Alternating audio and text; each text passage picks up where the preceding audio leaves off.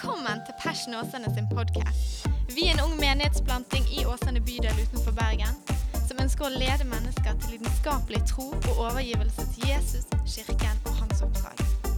Takk for at du lytter til vår podkast, og vi håper du blir oppmuntret og utfordret i din etterfølgelse av Jesus. Du, Jeg eh, har gledet meg til å, å kunne få lov til å være sammen i dag. Og i dag så eh, Nå er det to uker siden vi hadde forrige gudstjeneste her. Og som regel så har jeg en preken når vi kommer sammen. Og Da har man jobbet med en bibeltekst, og da bærer man på et budskap. da. Men i dag så kjente jeg innenfor denne søndagen her, mer enn at jeg har en tale, så er det akkurat som jeg opplever at jeg bare har, jeg har et hjertesukk mer enn noe annet. da. Jeg har egentlig lyst til å bare lekke det hjertesukket med dere. Ikke veldig mange notater. Jeg skal preke veldig kort i dag. Og så vil jeg at vi skal be litt sammen på slutten. Eh, Er dere med på det? Så i dag blir det litt sånn, ikke først og fremst eh, å, å få masse kunnskap til hodet, men dere får lov til å, å be om at Gud skal berøre våre hjerter. Forrige gang jeg eh, prekte, så eh, startet jeg dette semesteret her med et budskap. Er det noen som husker at jeg talte om et budskap? Så bra. Eh, da snakket jeg ut fra Matteus det 16. kapittelet, der Jesus sier 'Jeg vil bygge min menighet'. Jeg vil bygge min menighet. Og så så vi på Nehemjas bok hvordan Jesus bygger sin kirke på tre ulike måter. Og tre liksom steg som eh, han bygger kirken på. Den første var at han, han må berøre oss først.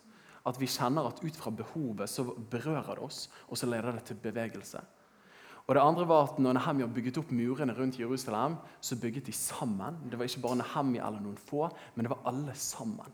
Uavhengig av hva familie, hva talenter de hadde, så hørte de sammen, og de bygget sammen. Og Det tredje var å be sammen. Og Det er akkurat på det siste punktet jeg har lyst til å stoppe litt opp i dag. Og egentlig bare ha en liten sånn family talk som kirke her i dag. Er dere med på det? Så bra. Takk for det.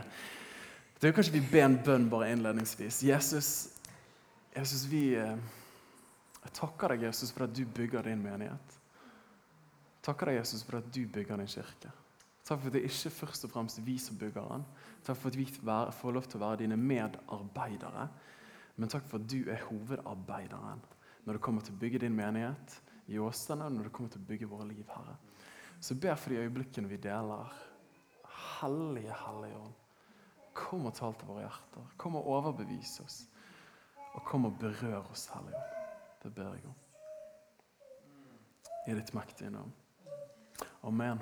Amen. Vi skal be litt eh, straks.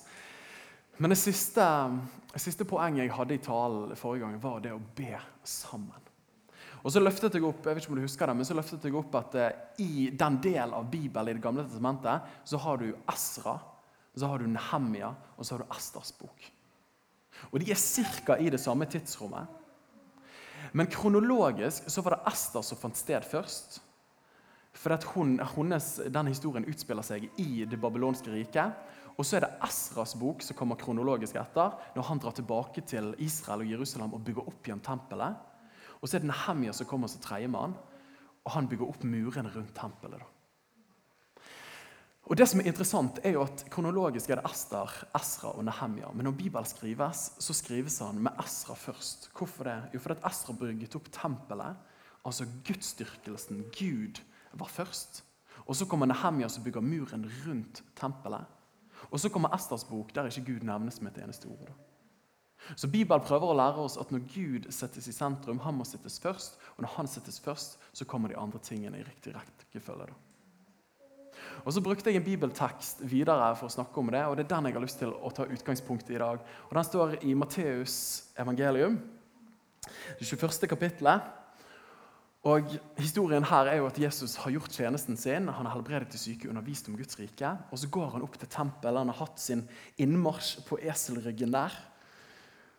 Og Så kommer vi til dette underlige passasjen fra Skriften. Og Der står det i Jesu navn. Så gikk Jesus inn i Guds tempel og drev ut alle som kjøpte og solgte i tempelet. Og Bare det i seg sjøl er ganske sterke ord. Hvis du er litt kjent i evangeliene, fortellingen om Jesus, så Jesus er jo en veldig snill mann. Eller det er kanskje feil å si snill, men han er en god mann. Han er ikke en som, eh, som, er frekk, han er ikke en som snylter på skatten. Han er ikke en som eh, tar mye plass og er en bølle. Jesus er jo god. Han lar la de små barna komme til meg, sier han. sant? Med de utstøtte, de prostituerte, de spedalske. Han viser dem omsorg og kjærlighet. Han er en varm person. Men når du leser denne skildringen, her, så er det akkurat som du hopper litt i stol. Hva er det som egentlig skjer her? Dette er jo ikke den Jesusen som vi har møtt på. Han drev ut alle som kjøpte og solgte i tempelet, og veltet bordene til pengevekslerne og stolet til de som solgte duer. Det var, Hvorfor er de med duer, Jesus?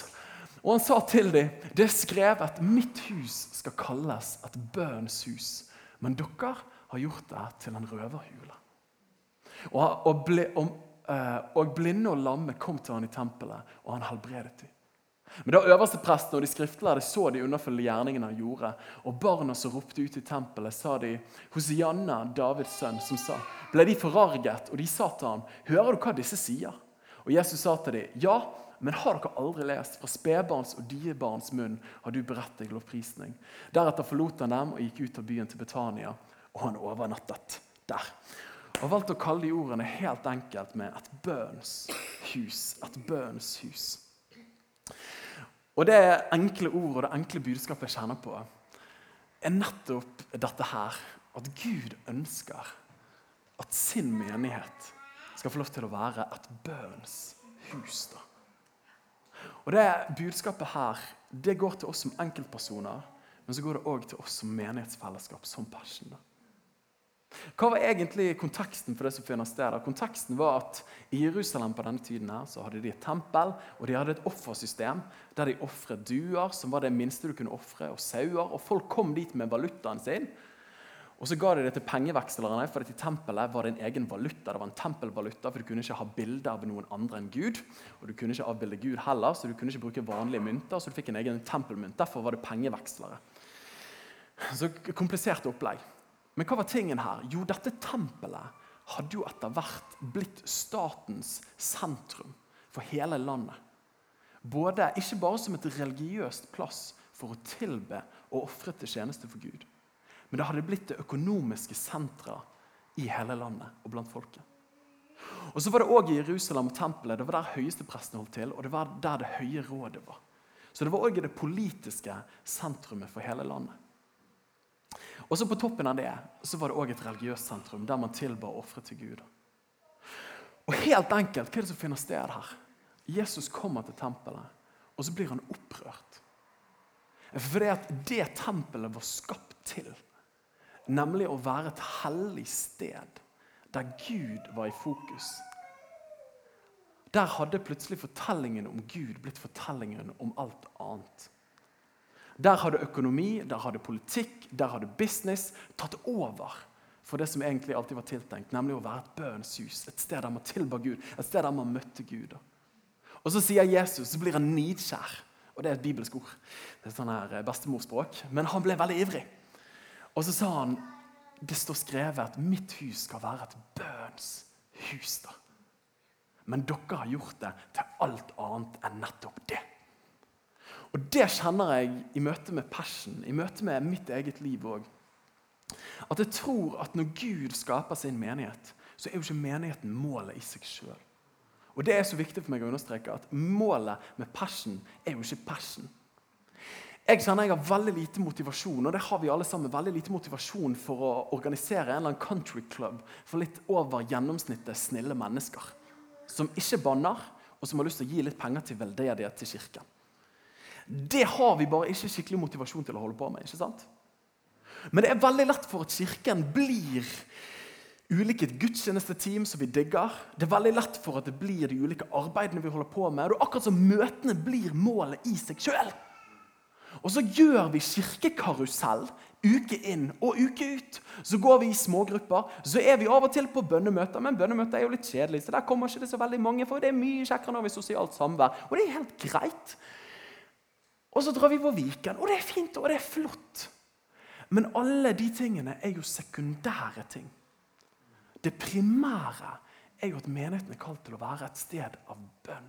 Et sted der Gud er til stede. Et sted der vi kobler med Han. Og Jeg kjenner jeg kan være litt bekymret av og til for mitt liv personlig. Og jeg tror at vi som alle mennesker er skapt for å tilbe Gud og kjenne Han og være et bønns hus sjøl. Men jeg tror også som menighet at vi er skapt til å være et bønnens hus. Og Jesus sier det sånn som dette her. Han sa at eh, folkens, det handler ikke om vinsekkene, men det handler om vin. Og Det er jo litt kanonspråk, det er jo Jesus-språk, men helt enkelt, det handler om relasjon til Gud. Og det handler ikke om innpakningen rundt. Når du drar på date med din ektefelle eller din kjæreste eller din kommende ektefelle en gang, så handler jo ikke det om bordene eller stolene eller serviettene, men det handler jo om den andre personen.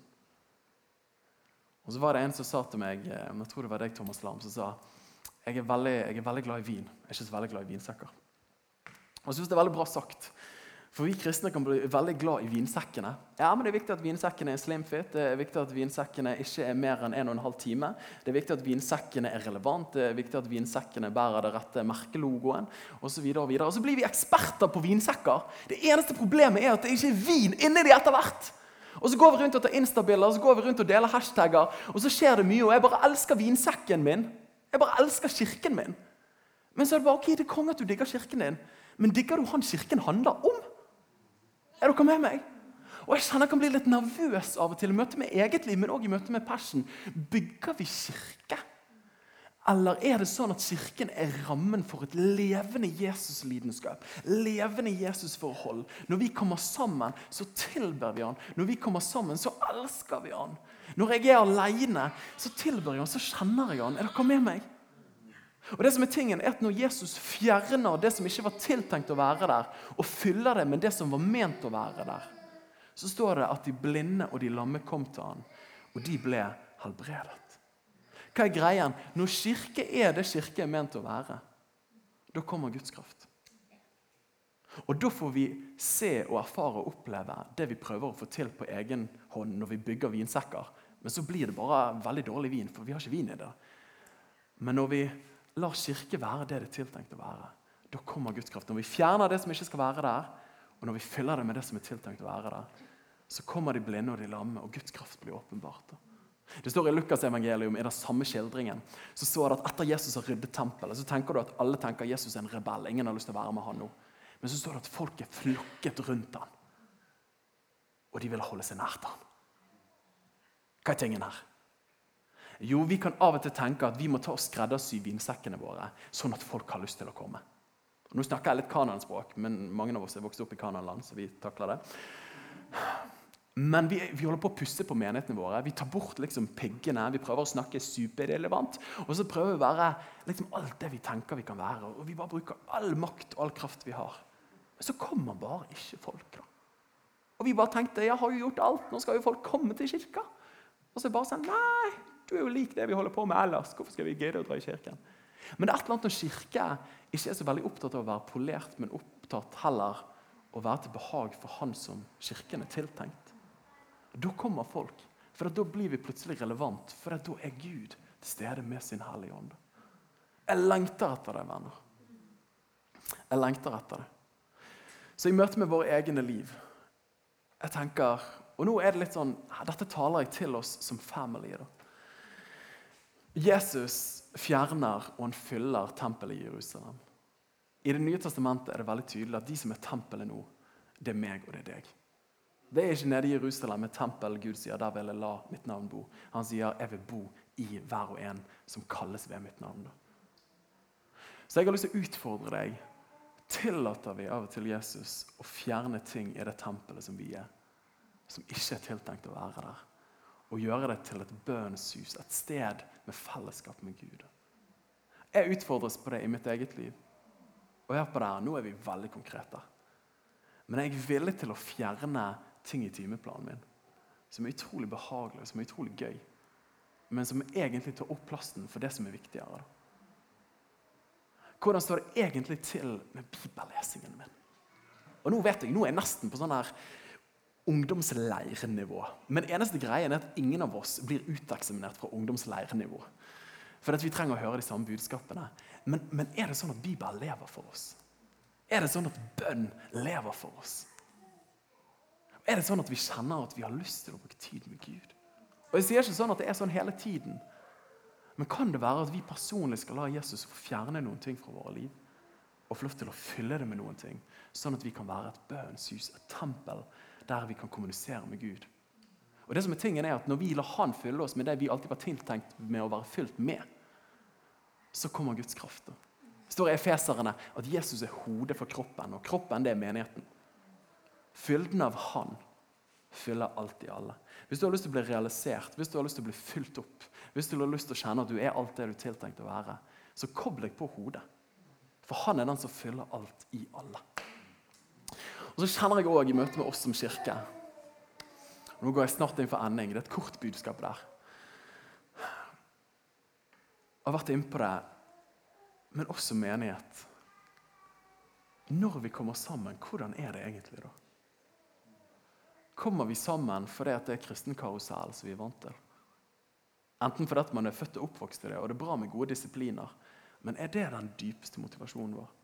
Når vi har lovsang, og som Mathias sa så fint i sted, tar vi ansvar for lovsangen vår. Og Ikke at du trenger å være hyper eller litt sånn helligånd-ADHD. Og Du trenger ikke liksom å hete Daniel Sebjørnsen og ha min personlighet og liksom lage masse lyd uansett hvor du er.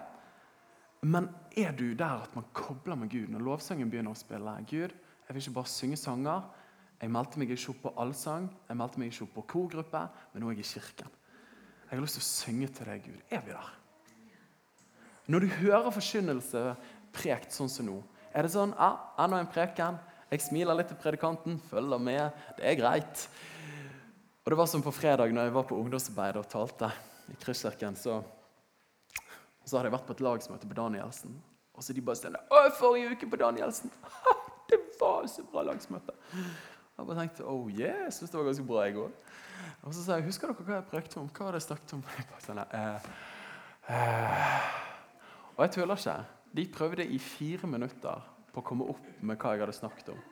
Så sier hun ene var det et eller annet om, om hvem er Jesus og så bare, Nei, nesten det var det jeg prekte om nå nettopp før vi gikk ut i kafeen. men så sa jeg men det var utrolig bra. Og ja, det var kjempebra! Og så på en måte, Det er den klassiske kristenklisjeen. Du kommer hjem søndagsmiddagen, og så var den ene som var hjemme og lagde middag. og ikke mulig til å være i kirken. Så var det i kirken? Jo, det var utrolig bra. Liksom. er var så salig i kirken. Ja, hva snakket han om? Husker ikke et ord. Sånn? Og det er jo sånn det fort blir i menigheten. Venner, Jeg sier ikke at vi skal kunne gjøre sitatsjekk på forkynnelsen.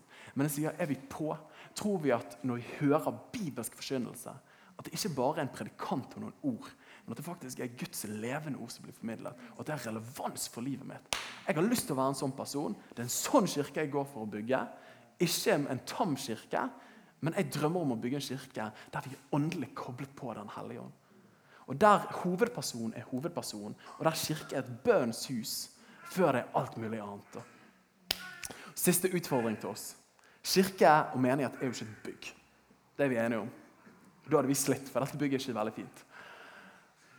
Men et menighet er mennesker. Og Bibelen sier det at Gud bygger et tempel i denne verden. her. Et, et tempel for sin ånd. Og det er bygget opp av levende steiner. Så der er liksom Jesus er litt frekk, men han sier at du er en stein. Eh, men du er en levende stein, til trøst. Eh, og han sier at når du og meg kommer sammen, så bygger Gud et tempel. Jeg undres av og til, og her, dette jeg bare står så i eget søkelys her men når jeg kommer sammen med brødre og søstre som jeg kan be på bønnemøte med, og det er fullt shabadabad-uttrykk, og vi har svart belte i karismatikk, og det er god sus, liksom, så kan vi være sammen rett etterpå og spise pizza. Og hvis den ene da sier du vet hva, Jeg bare opplever at, at Gud har gjort noe herlig i livet mitt i det siste. Og så er det akkurat som det bare ødelegger hele den sosiale stemningen. Dere skjønner hva jeg mener. Noen av dere er her akkurat nå. Så dere, altså, vi, vi vet hvordan det er.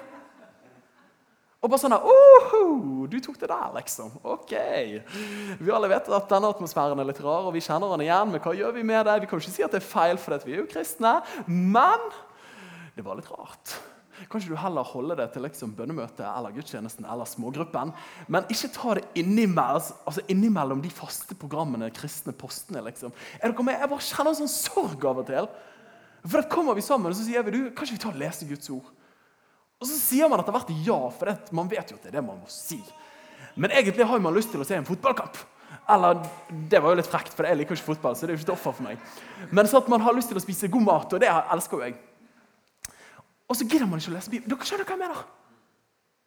Eller hvis den ene liksom, kan dere be for meg? Og bare sånn, ja, skal ta og tenke på det når jeg kommer hjem. Så at, bare sånn, åh, Kirke er ikke et bygg, det er ikke en post på et program, men et liv vi lever i etterfølgelsen av Jesus Kristus. Og så Jeg bare drømmer om at når vi kommer sammen, hvorfor ikke en åpen bibel av og til? Hvorfor ikke? Vet du hva, Jeg opplever dette her. Er dere med meg?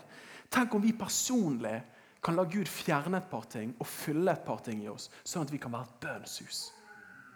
Og også menighet kan han fjerne et par ting og fylle et par ting, sånn at vi kan bli et bønnshus før vi er vertskapsteam, før vi er evangeliseringsteam, før vi er bønnemøter, før vi er lovsangsmøter, før vi er Viken osv. Jeg vil at vi skal være en levende åndsmenighet. For Det er da Guds kraft kommer, og det er da folk strømmer opp til. For da er vi noe annerledes. Og Det mennesker lengter etter, er ikke mer av det de allerede har. De lengter etter noe de ikke har, men som de egentlig vet de lengter etter. Nemlig Gud sjøl. Kan du si et lite amen? Så bra. Og det siste jeg skal si Og det at Når jeg sier sånn budskap til dette her Og jeg er jo en snill forkynner.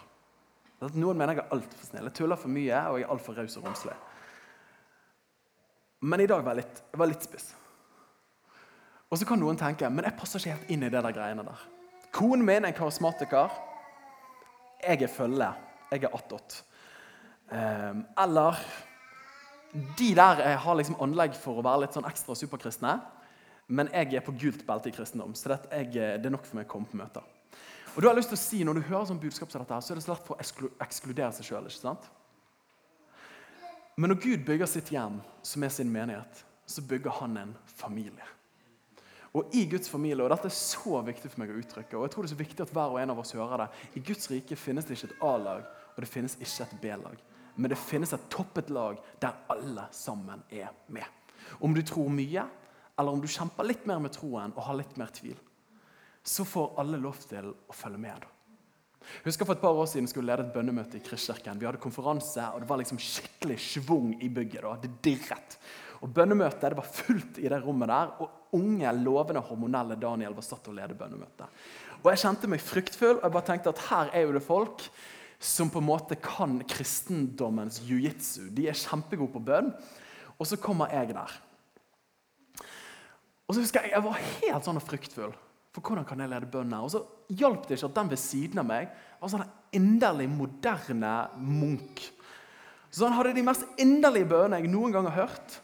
Og jeg bare tenkte huleste, jeg skal lede han i bønn. Jeg er jo ikke født på ny i forhold til han. Og så var det som det bare falt ned i meg. OK. Ja, det bare falt ned. At ok, Si at jeg er pappa. Akkurat som jeg opplever at Gud sier til meg Daniel, jeg er far. Jeg har mange ulike barn. Men hvis jeg har et barn på 16 år som er flink til å uttrykke seg, så er jo det kjempegøy. Men har jeg en, en unge på tre år som ikke har helt språket Men jeg verdsetter jo den stemmen like mye så jeg verdsetter den som kan uttrykke noen veldig fine fraser og formuleringer. Er dere med meg? Og Han sa at hver stemme har en unik plass i mitt hjerte. Og For meg var det så utrolig frigjørende. For dette betyr at ingen kan ta min plass i Guds hjerte. Jeg har en relasjon til pappa Gud som ingen andre kan ha. Om man opplever at man ikke fikser de kristne greiene, om man ikke klarer å lese Bibelen en time, om man ikke klarer å be i ti minutter i strekk, Nei, ok, Men du har en plass når du sitter og skrur med skiftenøkkel, når du kjører bossbil, eller hva enn man gjør på jobben din.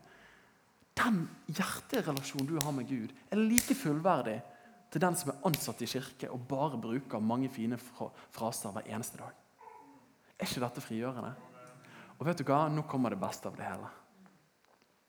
Det står at blinde og lamme kom til Jesus, og de ble helbredet. Jeg måtte slå det opp. Er du klar over at når David, kong David hadde vært konge i Hebron i syv år, så sa han jeg trenger å få meg et nytt palass, og det må være i Jerusalem. Men det, den byen var holdt av noen som heter jebusittene.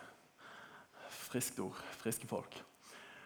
Og Det var en svær borg der. Og de sa du har ikke sjanse til å innta denne byen. her. Og så sa de vi har satt de blinde og de lamme til å holde vakt. Og selv da vil ikke du klare å innta. Og han bare sier I'm gonna make it. Så han sniker seg inn vanntilførsel, og så overtar han byen. Men så sverger han og sier ingen blinde og lamme skal ha tilgang til denne byen og dette huset. Så altså tempelet og altså byen. Og det var praksis at blinde og lamme fikk ikke komme nær tempelet pga. det. De var syke, de var urene, de tilhørte ikke. Hva er det Jesus gjør? Dette her er jo mind-blowing. Han bryter de sosiale normene, og han sier 'la de blinde, la de lamme komme til meg'. Og så helbreder han dem. Hva er det han sier? De som tidligere har vært utstøtt og ikke har fått lov til å bli regnet med, ikke vært flinke nok kristne, ikke vært flinke nok med Guds relasjon, de får òg nå lov til å tilhøre.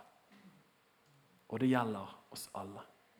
Så møter han de i deres nød, men ikke bare forblir de der, men han helbreder de òg. I persen så hører alle med i dette bønnens hus. Og det er ikke for et A-lag, for vi alle er et A-lag. Og det finnes ingen B-lag. Jesus viser det, at alle får tilhøre. I Jesu navn. Amen. Dette er hjertesukket. Måtte kirke være det det er tiltenkt å være. Et bønns hus. Takk for at du lyttet til Passion Åsane sin podkast. Hvis budskapet inspirerte deg, del det gjerne videre, slik at enda flere kan bli styrket av Guds ord. Gud har en plan for ditt liv. Følg Jesus lidenskapelig og bety en forskjell for mennesker i din verden.